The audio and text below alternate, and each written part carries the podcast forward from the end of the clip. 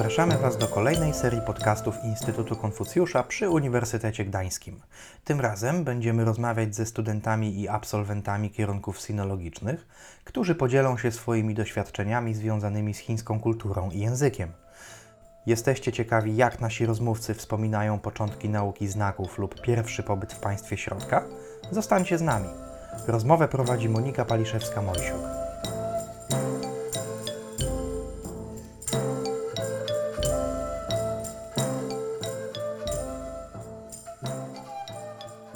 Naszym dzisiejszym gościem jest Martyna Wiedrycka, absolwentka sinologii na Uniwersytecie Gdańskim oraz dziennikarstwa na China Youth University w Pekinie, a prywatnie moja najlepsza współlokatorka z pekińskiego akademika. Cześć!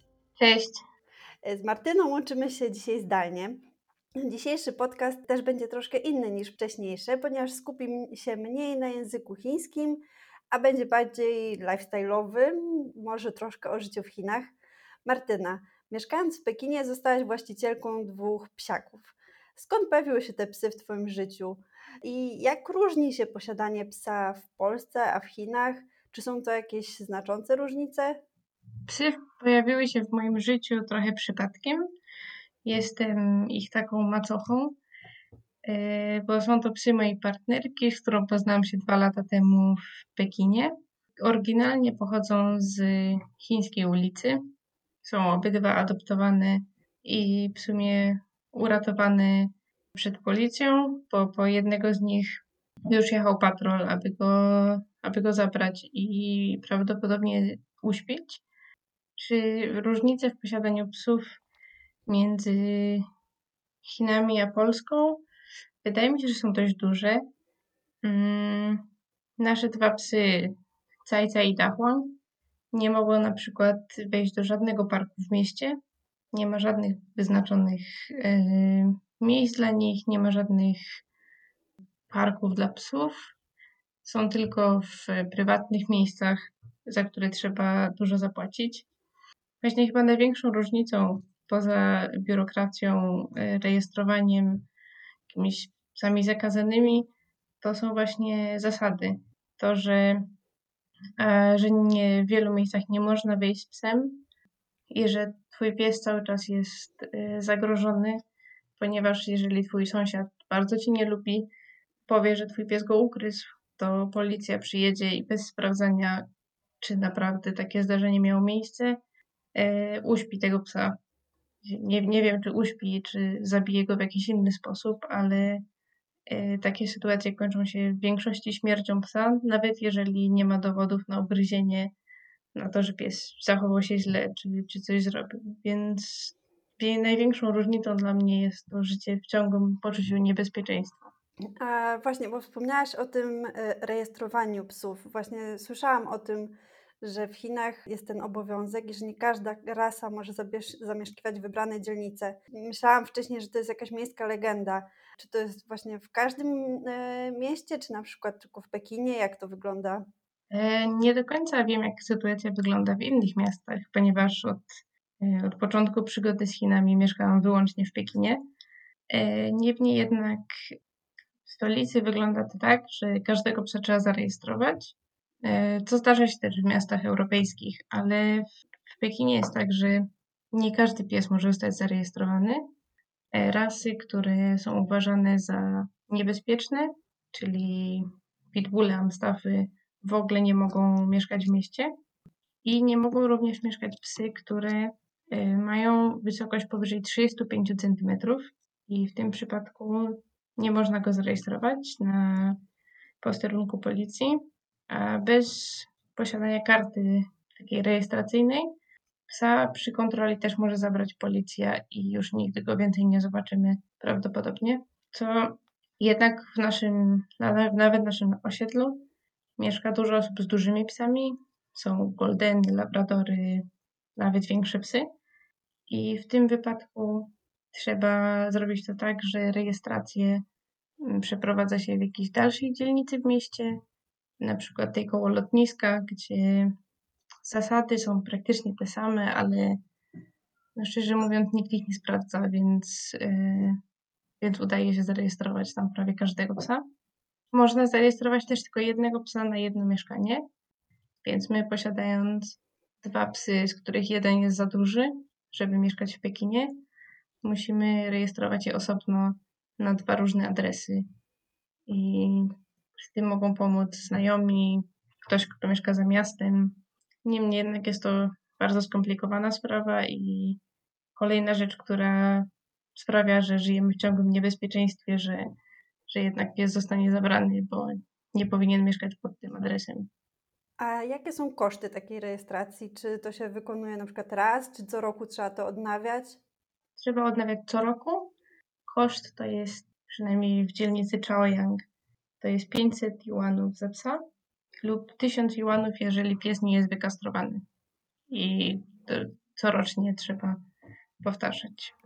Mówiłaś, że żyjecie w ciągłym strachu o, o swoje psy. A jak wygląda tak ogólnie kwestia przywiązania Chińczyków do swoich pupili?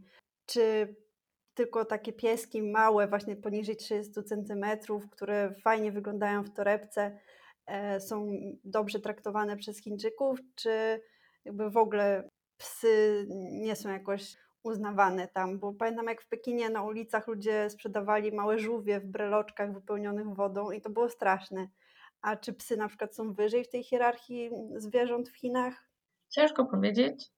I jeszcze raz mówię, że tutaj mogę się wypowiadać tylko na temat Pekinu, bo nie wiem, jak sytuacja wygląda prawdopodobnie w innych miastach podobnie, ale nie wiem, jak wygląda na prowincji na przykład. Jednak e, zdecydowanie przy psach jest większa różnorodność.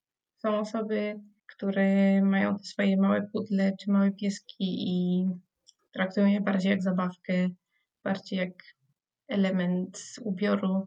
Ubierają je w różne dziwne ubranka, wożą je w wózkach i no, ogólnie traktują je jak coś pomiędzy zabawką a małym dzieckiem. Ale tak jak mówiłam, na naszym osiedlu mieszkało dużo osób z większymi psami i widać było też, że dużo z nich dba o nie, że wyprowadza je często.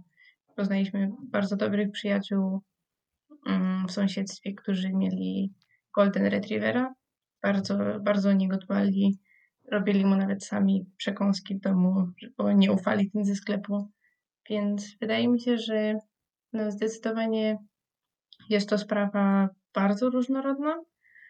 E, Na pewno, co jest tutaj dobre, że w społeczeństwie, tak mi się wydaje, rośnie świadomość e, i potrzeba dbania o zwierzęta. Jest coraz więcej ludzi, którzy się udzielają, żeby pomagać bezdomnym zwierzętom. Jest coraz więcej różnych organizacji, mm, które nam też pomagały i pomagają cały czas. Mm, Wydaje mi się, że jest to sytuacja bardzo różnorodna, ale wbrew temu, co pewnie przeciętna osoba z Polski czy z Europy myśli o Chińczykach i psach, że, że je po prostu jedzą, to sytuacja wygląda bardzo inaczej i myślę, że za kilka lat, za kilka lat będą w opiece nad zwierzętami dorównywać państwom Zachodu. Okej, a zastanawia mnie też, y, jakie są koszty posiadania psa w Chinach, bo mówiłaś, że właśnie ta rejestracja w Pekinie to około 500 y, do 1000 juanów rocznie. A jakie są wydatki na przykład związane z weterynarzem, jakimiś szczepieniami, czy są jakieś obowiązkowe szczepienia, czy ten asortyment na przykład y, jedzenia dla psów jest tak samo szeroki jak w Polsce? Jeśli chodzi o wizyty u weterynarza, wydaje mi się, że jest to koszt dość podobny do tego w Polsce. Wprawdzie nigdy nie miałam psa w Polsce, ale z tego, co mówią znajomi czy, czy rodzina, yy, sama wizyta u weterynarza nie kosztuje zbyt dużo. Yy, Droższe są lekarstwa, bo dużo z nich jest importowane z Europy, ze Stanów. Yy, Byłyśmy, pamiętam, na wycieczce nad morzem i jeden z psów, jeden z psów zachorował i musiałyśmy udać się do jakiegoś wiejskiego lekarza. To spotkałyśmy się nawet tam z bardzo miłą obsługą, ze zrobieniem zdjęcia rentgenem na miejscu. Wynik godziny czy pół e, było to wszystko bardzo sprawnie i kosztowało 200-300 juanów, więc nie jest to aż tak duży wydatek. E, Szczepienia są tylko obowiązkowe przeciwko wściekliźnie i takie ogólne szczepienie, żeby pies się nie zarażał jakimiś chorobami zakaźnymi. E, Poza tym jedyne, co kosztuje więcej, przynajmniej w moim odczuciu, to karma, ponieważ niezbyt ufamy. e, Jeśli chodzi o wybór, na chińskim rynku jest bardzo duży, ale niezbyt mu ufamy, więc kupujemy jakąś importowaną też ze Stanów, co jest jednak dużo droższe niż kupowanie podobnej karmy w Europie. Ale wydaje mi się, że nie jest to ogromny koszt, przynajmniej dla osoby mieszkającej w mieście. Mm, Wydaje mi się, że posiadanie psa nie jest aż tak ciężkie. E, Przed wybuchem pandemii, jak już wspomniałyśmy, mieszkałaś e, w Pekinie, e, ale pewien ciąg wydarzeń sprawił, że jesteś teraz w Polsce. Jak to się stało, jakbyś mogła nam opowiedzieć? Tak, mieszkałam w Pekinie.